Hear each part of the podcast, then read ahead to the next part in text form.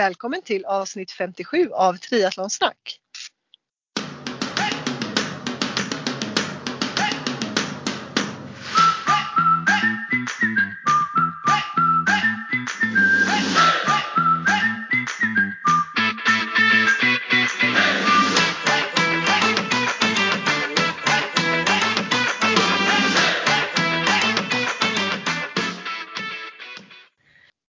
Med mig Sofia och med dig Therese. Therese. Hur är läget? Eh, jo men det är bra tycker jag. Eh, solen skiner just nu efter en dag som har varit lite så här spöregn, solsken, spöregn, solsken. Eh, det låter som att vi är på samma ställe trots att vi inte är det. Ja. Vi har haft samma väder här i Göteborg. Ja, tyvärr. tyvärr. Ja. Nej, men vi hade första dagen som föräldraledig idag och var på lekplatsen i morse. Liksom.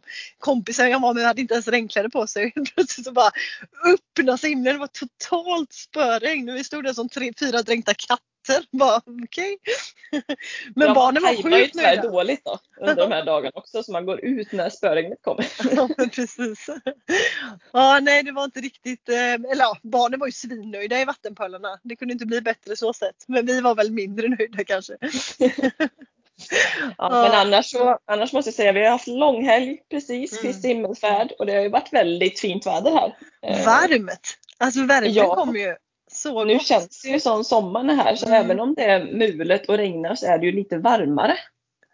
Riktigt härligt. Så det är skönt. Så vi har faktiskt, om man ska gå igenom vad som har hänt sen sist så skulle jag mm. nog vilja säga att vi har grillat väldigt mycket. Ja, det, är, är typ punkten. Ja. ja. det är det bästa som finns. Det har vi med. Det är härligt. Grillat mycket och fått lite härliga cykelturer ute. Ja, det har jag sett och, att ni har. Ja, mm. precis. Och så grejat en del i trädgården då. I vår trädgård som var en, som en djungel när vi flyttade in. Nu håller på att ordna upp sig här. Härligt, härligt, härligt. Ja, i cyklar hade jag också velat göra mer men jag har inte fått uh, gjort det överhuvudtaget. Lite traillöpning däremot det är härligt. Ja, det har jag sett. Ja. Mm, det har varit riktigt gött. Och, där, och så mina klassiska eh, styrkepass. Eh, mer för att det är eh, tidseffektivt och jag kan klämma in det lite när som. men kör du dem hemma då, liksom hemmastyrka eller? Ja, det är, ja men jag är lite olika men nu har vi varit på landet på långhelgen och då är det ju, jag har en del kettlebells och lite gummiband och ja, lite allt möjligt, TRX-band och sådär. Så jag eh, kör hemma då eller så. Men eh, riktigt bra. Jag kan du inte dra, ju...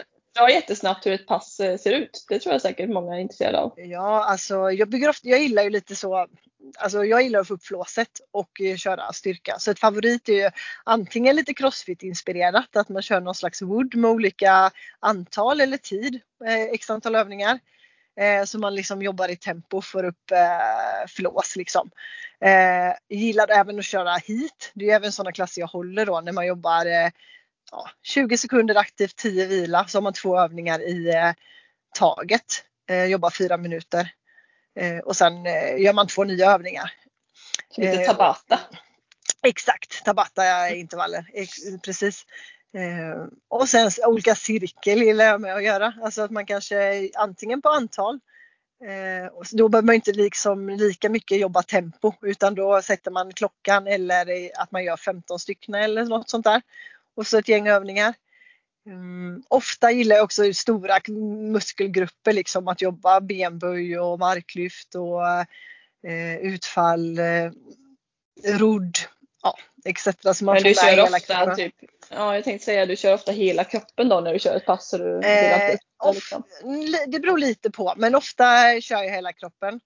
Eh, ibland eh, hitpassen eller tabata då, de kan jag ofta eh, göra olika teman på. Och det är lite så jag lägger upp det när jag även håller mina klasser att jag har liksom kanske underkropp eller överkropp eller baksida, framsida, core, lite sådär. Eh, bara för att det är roligt att ha ett tema på det. Eh, ja, men, men så, och så blandar jag in mycket kondition. mycket flås ja, vad, kan, vad kan det vara till exempel då? Men burpees, mountain climbers, upphopp, eh, utfallshopp. Ja. Alltså allting som bara, det är viktigt att pressa upp pulsen på stället liksom. Ehm, mm. Så det är bara fantasin som sätter stopp. Lite så. Och jag gillar ju att sätta upp mina egna grejer. I en klass jag gör ju det rätt mycket så jag har ju en bank med mycket grejer. Jag tänkte säga det, du är nog ganska kreativ och har ett stort Mm. bibliotek med övningar och pass. och- Exakt så. Det finns inget, det, det stoppar mig inte liksom. Jag står aldrig så här, jag vet inte vad jag ska göra idag utan det är mest tvärtom. Jag bara åh, jättekul. Så det, det, ja, det är kul helt enkelt. Jag gillar ju det, den slags träningen. Ja, och den är enkel att få till och Malte kan springa runt eller jag kan göra det när han sover, när han är nära. Eh, sådär. Så att det också passar väldigt bra just nu i livet. Liksom. Mm. Mm. Ska vi hoppa in i dagens avsnitt eller vad säger du? Det, blir ju, det är jag som har intervjun för eh, livet Ja. kommer lite emellan för dig. Ja Eh. precis, så vi har en väldigt eh, bra gäst, spännande gäst då, som är här för andra gången. Exakt. Så vi bjuder in Sara.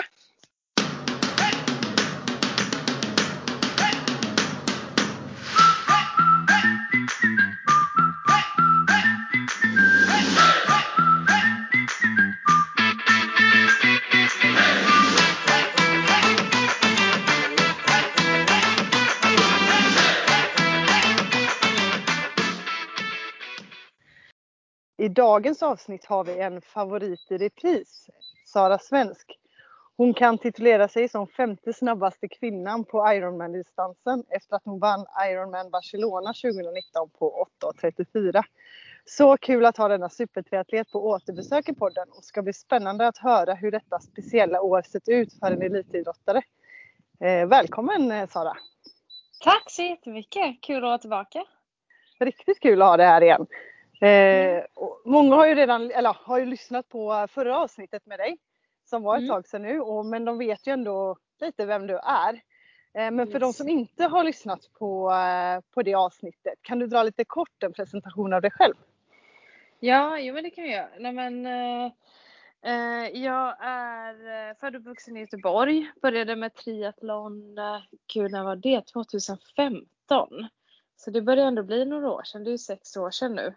Eh, och började precis som de allra flesta, att man testar på lite och ser vad, vad det här är för något egentligen. Och sen så blev jag fast ganska direkt. Eh, och på den vägen har det fortsatt och blivit mer och mer för varje år kan man väl ändå säga.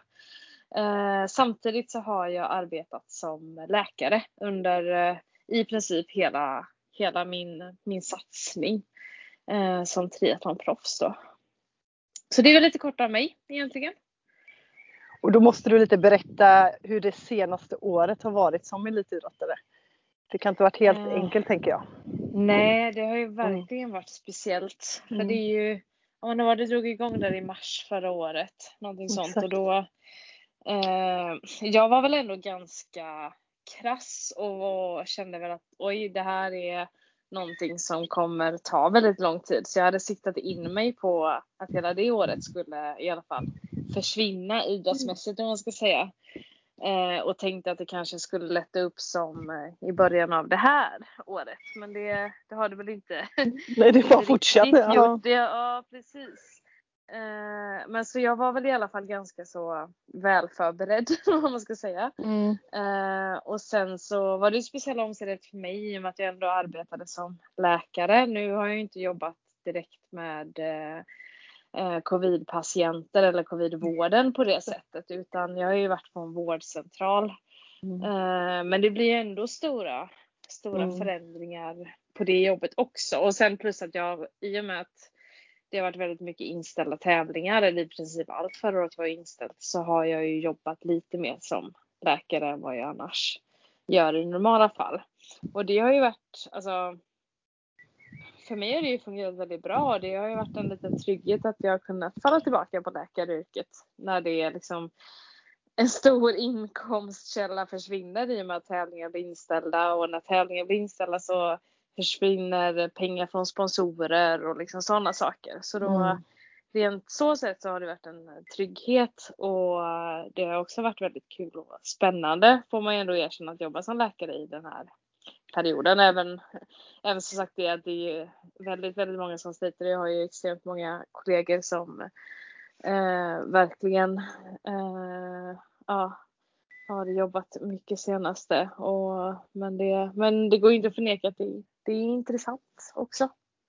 Ja, men i vanliga fall, hur, många, hur mycket jobbar du? Alltså jobbar du 100 eller? Nej, nej, eh, Nej. Jag jobbar två dagar i veckan så ungefär Ja, 40 okej. procent. Och sen så är jag ju borta i perioder.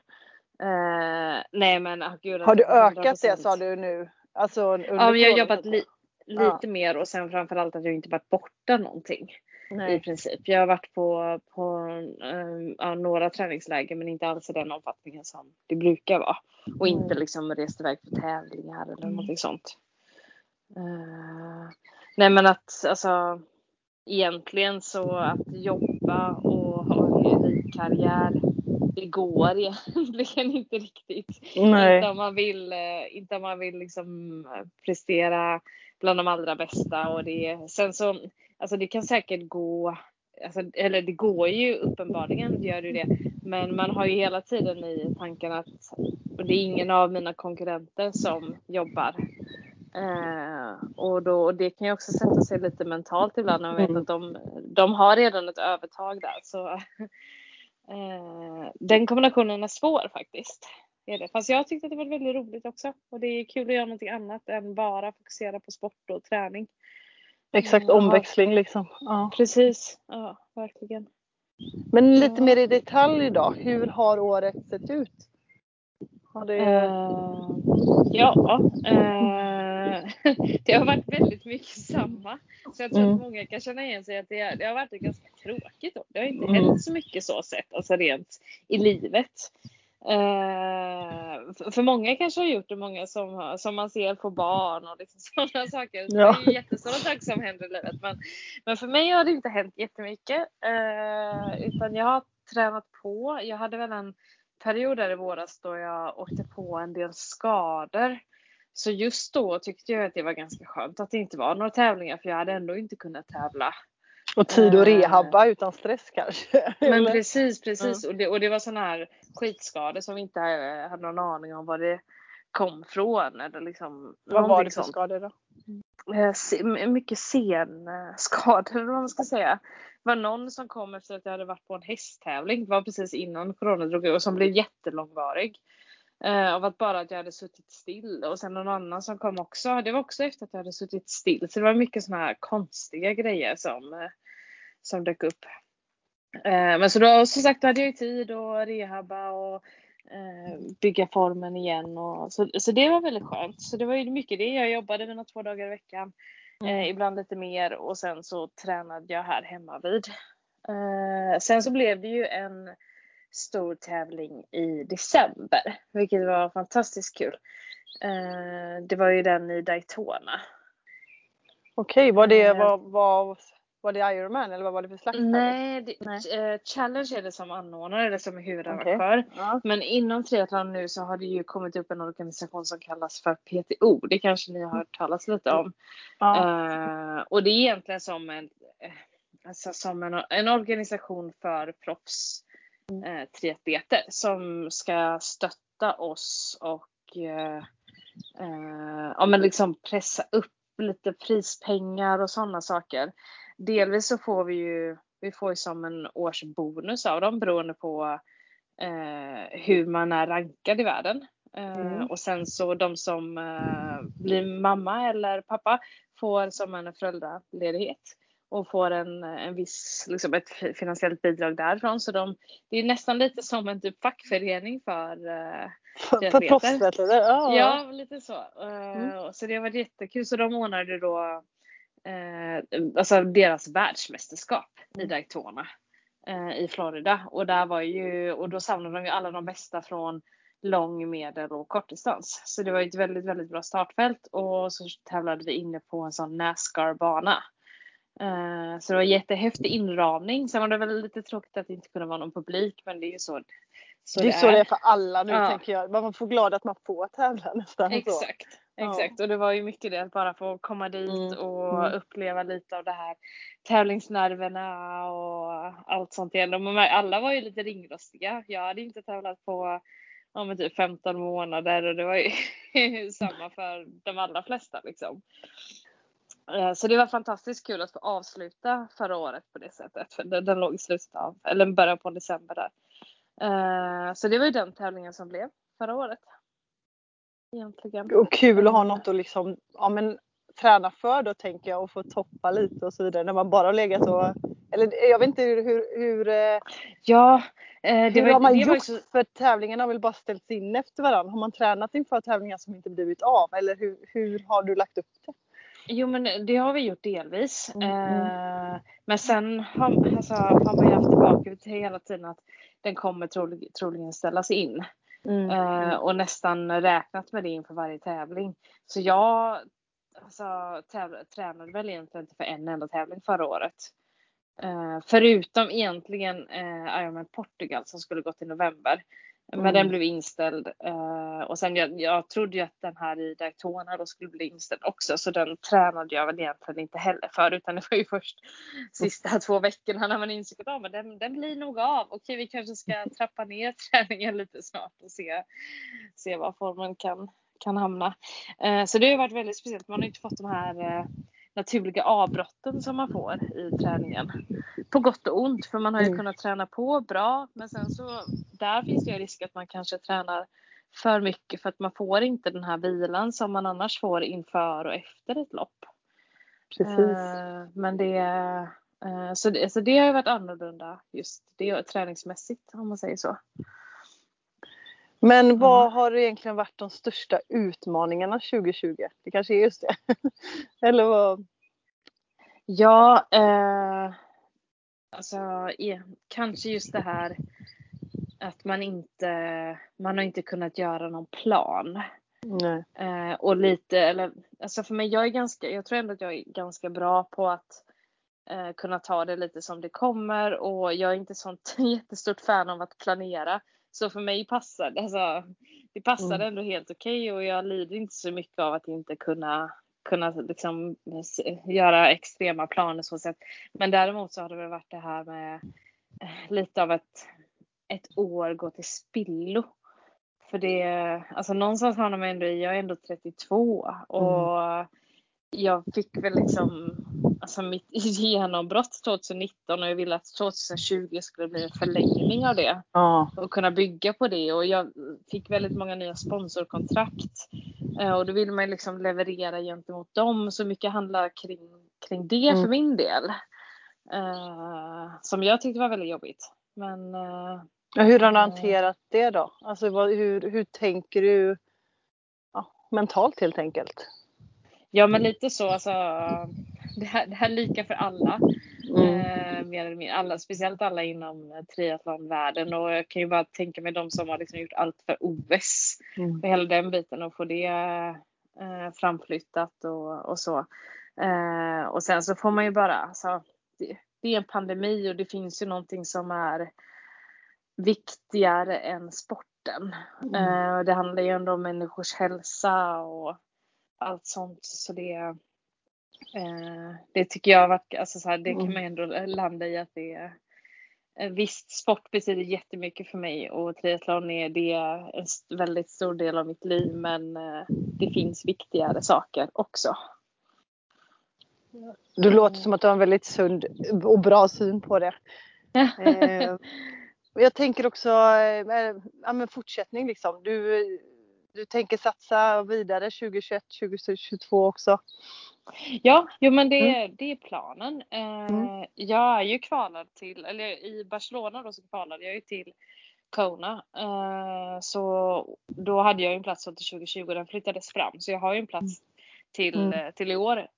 Får bara hoppas att det kommer bli av. Det tror jag ju.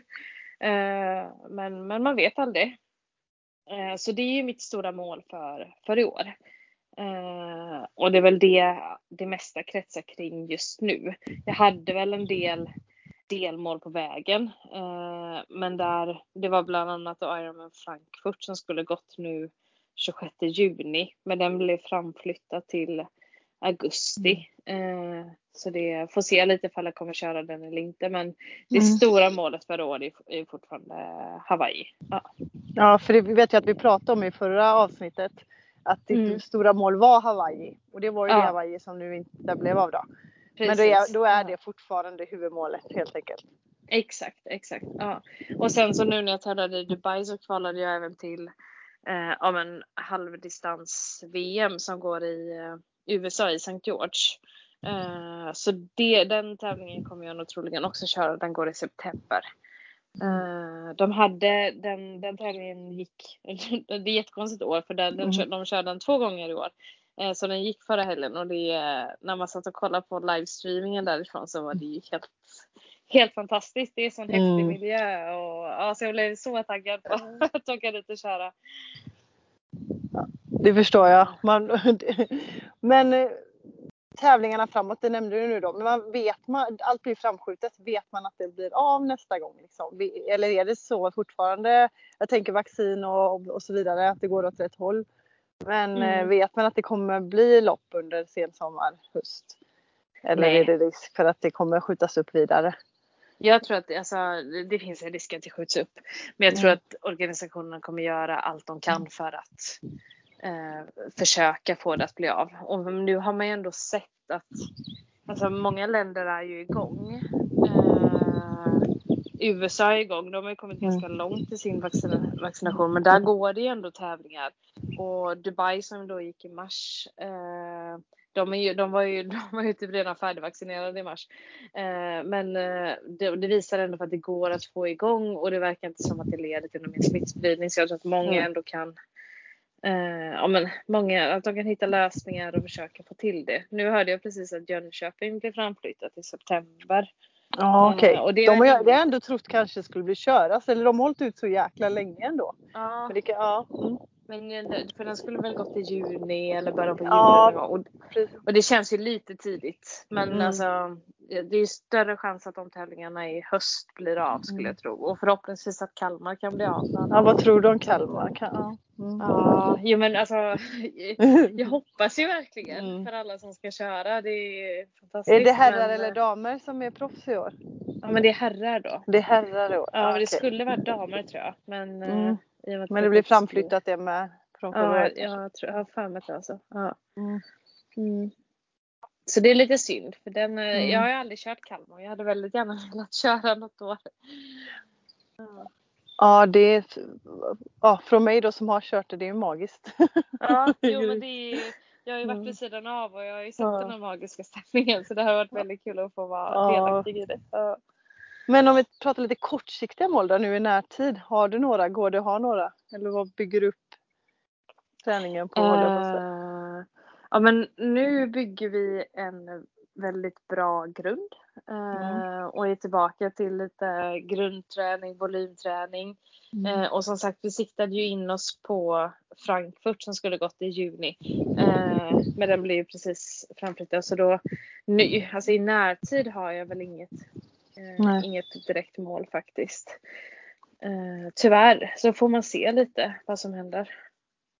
Man får hitta på några egna slags eh, vad heter det, mål, typ egna lopp kanske. Jo, för att jo men exakt och det är det ju mm. en del som anordnar lite mindre sådana saker som ändå mm. går att få ihop.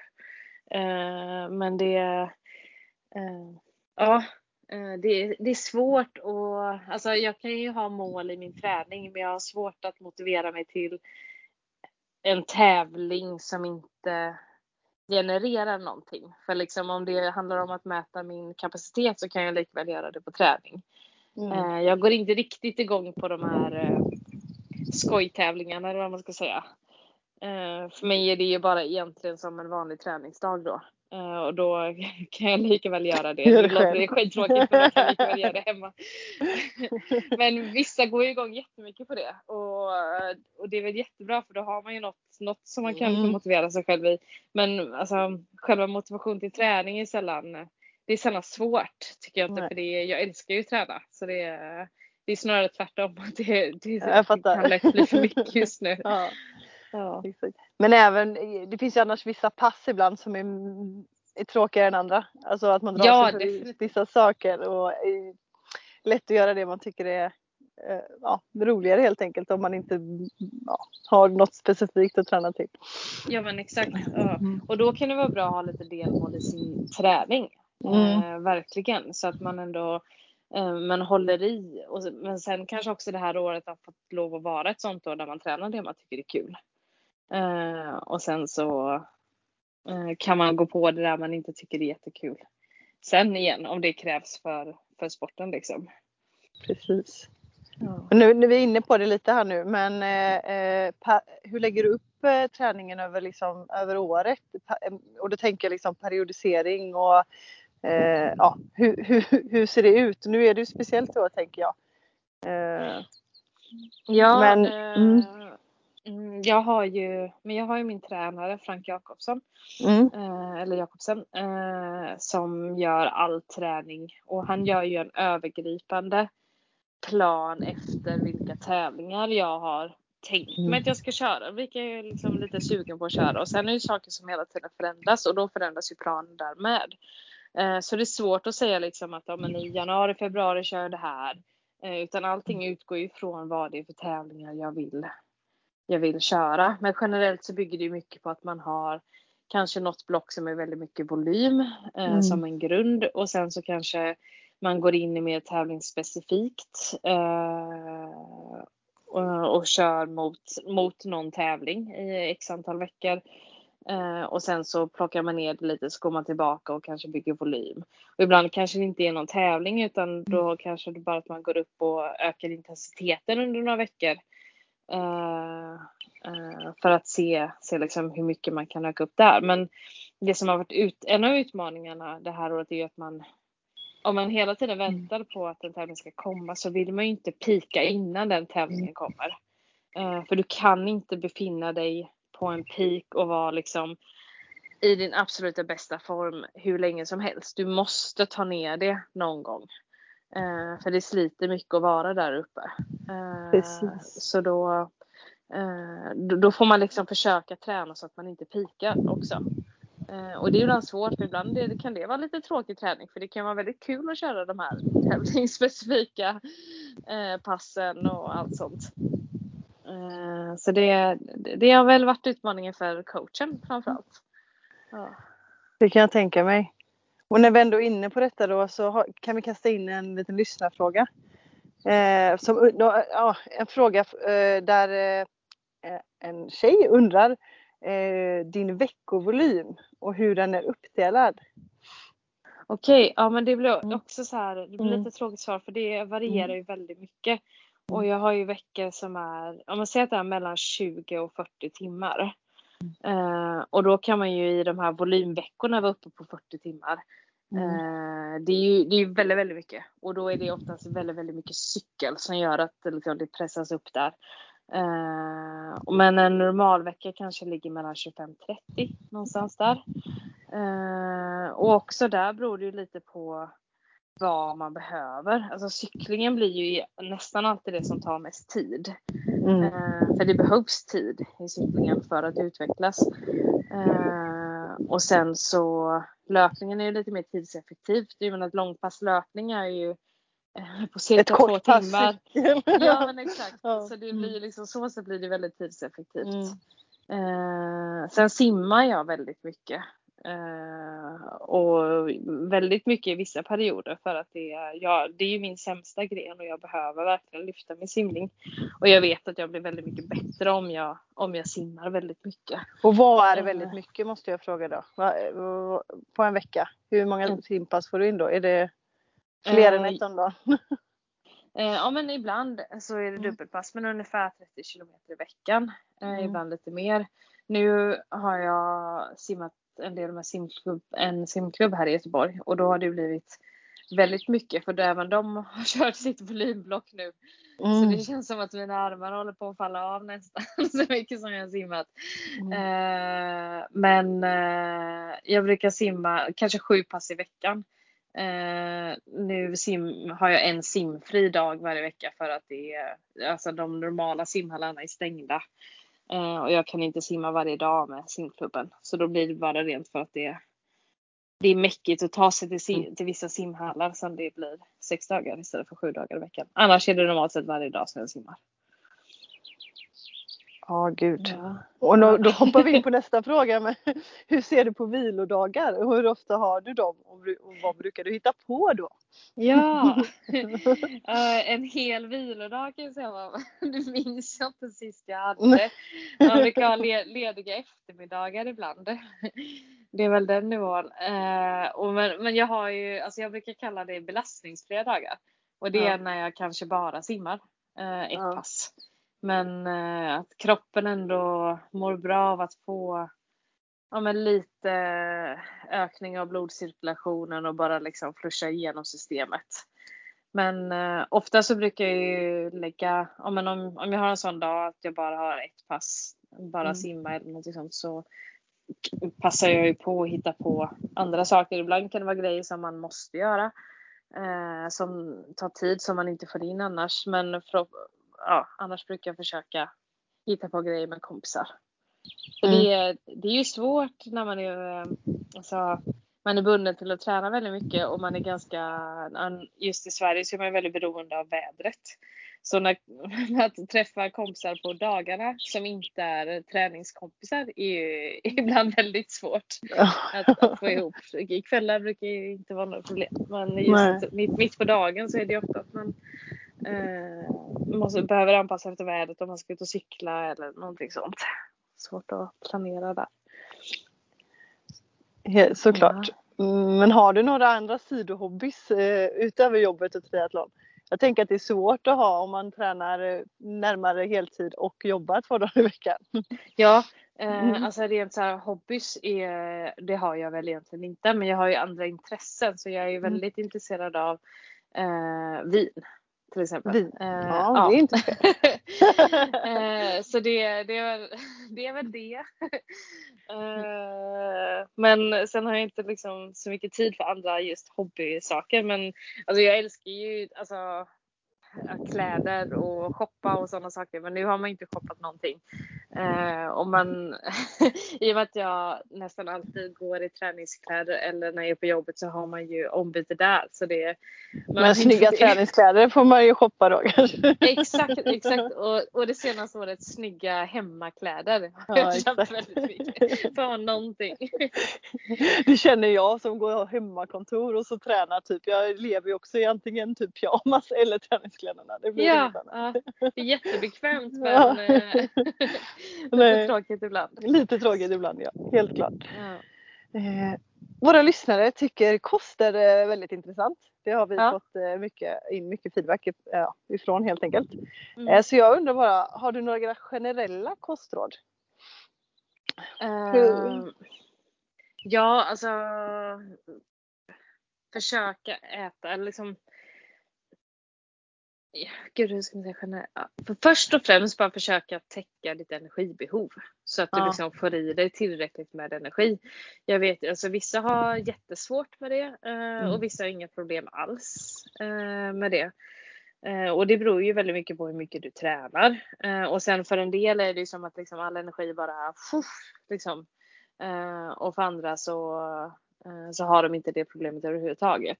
Så, men, så det är väl det övergripande. Att försök ha koll på ungefär hur mycket energi du förbrukar och försök att liksom, eh, få i dig tillräckligt. Eh, och sen att man eh, äter, ja, men man, om, om det är just träning som är ens mål och att prestera på träning så handlar det om att du ska ju äta för din träning lite granna och då är det ju planera dina mål efter dina träningspass så att du får i dig ett bra uppladdningsmål innan du ska köra kanske ett väldigt hårt pass och sen att du får i dig någon form av återhämtning direkt efter passet.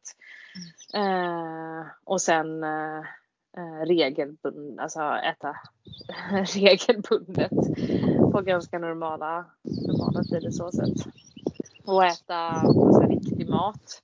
Inte fastna i allt som har med eh, proteinpulver och proteinbars och sånt. Och det, alltså det är ett fantastiskt komplement. Det använder jag ju också.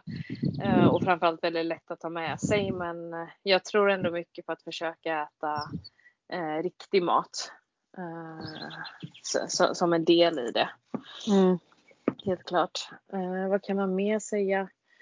Eh, Men jag tänker också, så- precis som du är inne på, men de flesta är ju ändå triatleter eller intresserade av triathlon som lyssnar.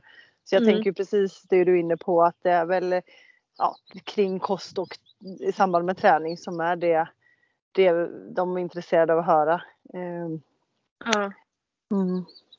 Eh, jag är väldigt noga med, eh, alltså just inför pass, att man inte Eh, alltså att du äter ett bra mål, säg tre timmar innan du ska köra ditt pass. Om du har ett, eh, eh ett hårt eh, eller längre liksom. Eh, så att du hinner lagra in allt socker i kroppen så du kan få ut maximalt på träningen.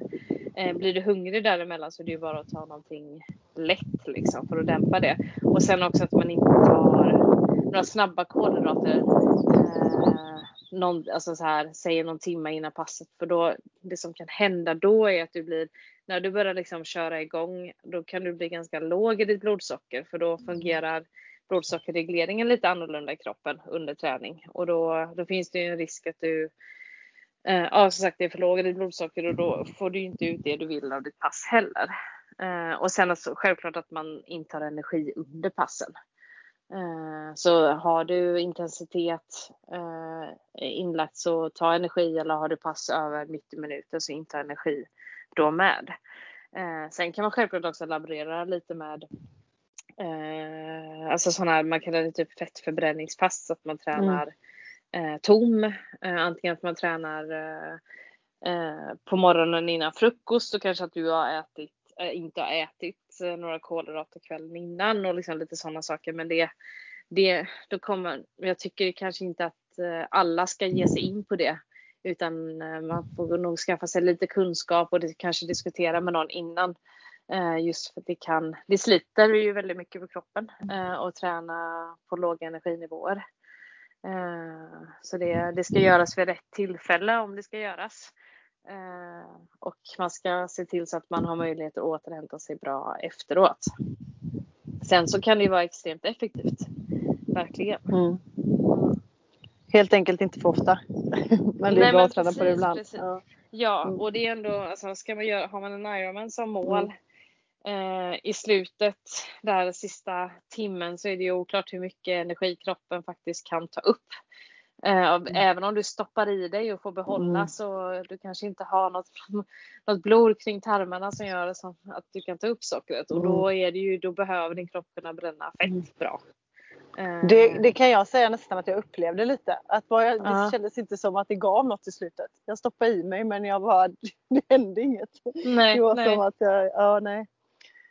Och det, det är också så, alltså, när, när, man är igång så länge så är det svårt mm. att bara täcka det behovet som man faktiskt, alltså, mm. eller du kan inte täcka det behovet eh, som du behöver, så är det ju.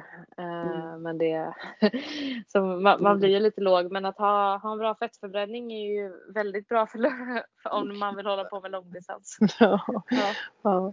Men vi är inne på eh, ja, våran sista fråga, sen har jag lite mm. fler lyssnarfrågor jag ska gå in på. Men eh, sista frågan är om du har någon favoriträtt som du ofta lagar och vill dela med dig av? Uh, alltså jag älskar ju potatis. Mm. så alltså potatis i ugn med uh, typ lax. Det brukar vara min sån go-to rätt när man inte, om man inte uh, vet vad man ska laga eller något sånt och det är snabbt och smidigt och enkelt. Och gott. Eh, och gott, exakt. Ja. Eh, sen är jag väldigt förtjust i asiatisk mat. Eh, mm. Men det kanske tar lite längre tid att laga ibland. Men det, det tycker jag är väldigt gott annars. Ja. Nice. Lax och potatis. Lax och potatis. Ja. eh, då ska vi dra några mer lyssnarfrågor innan vi hoppar in på din topp tre. Ja. Eh, en fråga är hur länge tror du du kommer satsa på triathlon?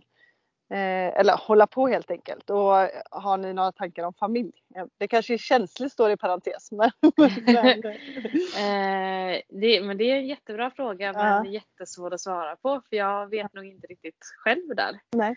Eh, faktiskt. Eh, men jag kommer fortsätta några år till. Mm. Och vi har planer på familj men inte än. det är väl det svaret jag kan ge. Ja, det var väl tillräckligt bra tycker jag. Det är väl inte lätt att veta och inte lätt att planera heller. Nej. Nej. Eh, om man vill våga och bli bra teknisk på cykel, typ i svängar och vändningar och så. Har du några mm. konkreta knep? Uh, igen, alltså inte mer än att alltså, träna på det du vill bli bra på. Mm. Vill du bli bra tekniskt i liksom, ja men just svängar och sådana saker, kör så mycket sånt du kan. Eh, kanske om, om, man tycker om att köra MTB eller eh, gravel, att man kan ge sig ut i skogen. Eh, där blir det ju väldigt tekniskt. Mm. Men man får ändå lite cykelkänsla. Eh, om samma sak vill du bli bra utför, det är ju bara, alltså det gäller ju egentligen bara att cykla utför. Ja. ja, precis. Ja. Mm. Eh, och sen ska du inte, du ska våga men du ska inte ta några dumma risker för det är aldrig värt mm. att, att trilla. Men eh, men att öva på det och du blir ju säkrare och säkrare. Jag är ganska, alltså själv är jag inte alls mm. duktig tekniskt men man blir ju bättre för varje år som går. Och någonting som har hjälpt mig, alltså rent så här konkret då när man cyklar mm. utför, är faktiskt att ha kartan på cykeldatorn. Så att man, om man Se svängar och så? Ja ah. men exakt, så då, då vet du ju, är det, för ofta mm. handlar det om att du kanske inte vet ifall det här är 90 eller 180 graders mm. sväng. Och då är det svårt att anpassa farten, då mm. kör man ju safe. Men vet du att det här är en enkel sväng, ja men då, mm. då kan du trycka på. Och sen är det lite sådana små tekniska saker, ja men utför att du ja, men sätter det längre bak på sadeln och bromsar du så är det 90% frambroms, 10% bakbroms i princip. Och Eh, upp med knät, ut med knät. Alltså lite sådana saker för balansen som man kan tänka på. Eh, hitta en linje liksom. Ja. Ja. Men just tempocykel tycker jag är svår, alltså tekniskt på en sån. Jag tänker svängar ja. och sådär, de är ju inte direkt lätt. Eh, det är skillnad att sitta på den och mountainbike om man jämför med att göra svängar och vara snabba, alltså göra snabba ja. vändningar och sådär. Ja, det gud, går ja. ju inte direkt. Där ska man ju ligga rakt och tugga på sig. De är inte byggda för det. Jo men, jo, men eh. definitivt. Ja, så är det ju så verkligen. Uh, ja, och, och, för mig själv tänker jag absolut precis som du säger inte alls eh, teknisk heller. Men min utmaning är att jag gillar att verkligen ligga och trycka så jäkla tungt. Och just det här med snabba vändningar, kanske vända och göra 180 graders sväng. Att, ja, jag har för tungt till det. Man måste ha väldigt lätt växel för att kunna accelerera upp igen. Och, ja, och ja. Ja, du tänker när man kör på plattan och liksom ska runt en vändpunkt? Ja men typ så, ja, exakt, ja. exakt. Ja men där gäller det ju att växla ner så mycket ja. som möjligt. Eh, så du har en väldigt lätt växel och så mm. drar igång. För att det är också så varje sånt igångdrag, det sliter jättemycket mm. eh, på dina muskler under en tävling. Så det, det vill man ju undvika mm. i största möjliga mån. Och du tjänar ju inte så mycket på att liksom ställa upp där och kränga allt vad du har utan Nej. bättre växla ner och bara liksom eh, ha lätt växel och sen när du får upp fart så växlar det tyngre, tyngre, tyngre liksom hela tiden. Ja. Men bara det är ju egentligen en teknisk grej att öva på. Alltså det handlar ja, om att göra det några gånger. Ja. Ja. Mm. ja men snyggt! Vi är i mål och jag tänkte att vi ska hoppa in på eh, veckans, eh, eller avsnittets topp tre. Yeah. Eh, och du har fått eh, helt enkelt dina, att du ska ge oss dina tre bästa träningstips för att bli en snabbare löpare. För som de flesta vet så är du en riktigt duktig löpare. Snabb.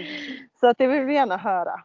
Ja, eh, jag tror mitt, eh, mitt första tips är att försöka springa varierat. Eh, och då tänker jag framförallt då liksom varierad terräng så att du inte bara springer eh, asfalt eller löpande eller enbart i skog utan att du alternerar lite grann. Dels för att få olika belastning på kroppen.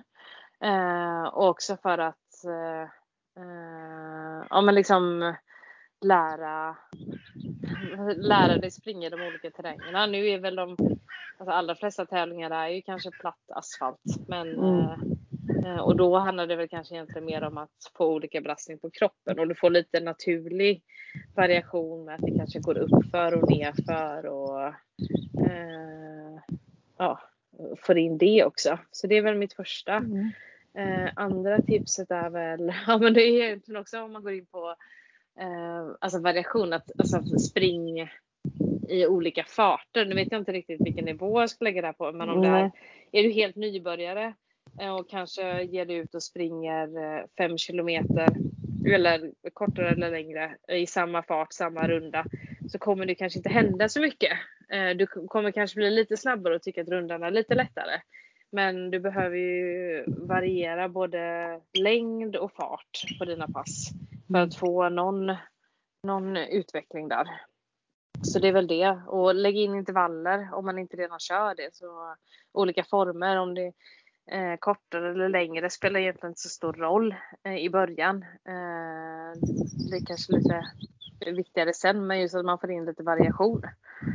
Eh, och nummer tre är väl kanske faktiskt, eller det var det som hjälpte mig väldigt mycket i början att gå med i någon, någon löpklubb.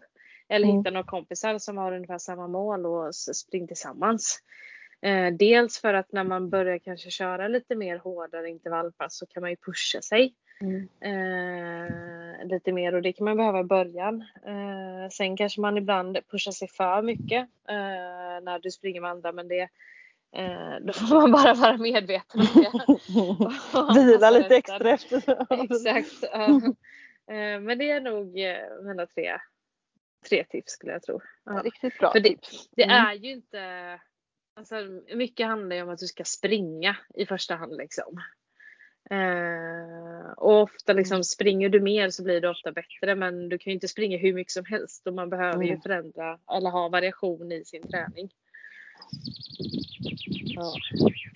Då är vi framme på eh, ja, de fem snabba och de har ju vi mm. redan kört med det en gång.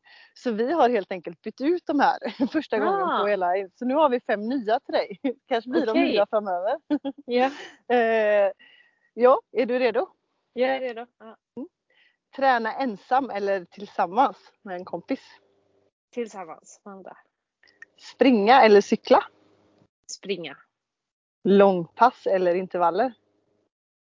Oj, den är jättesvår. Det kan jag faktiskt inte välja. Men du måste välja en. jag måste välja en. Uh, ja men då är det nog uh, shit, intervaller säger vi. Sportdryck eller gel? Uh, gels nu faktiskt. Ja, gels. Mm. ja. Uh, förrätt eller efterrätt? Förrätt. Snyggt. Det var svårt med långpass eller intervaller alltså. Det var, eh, du ja, det är jättesvårt. Ja.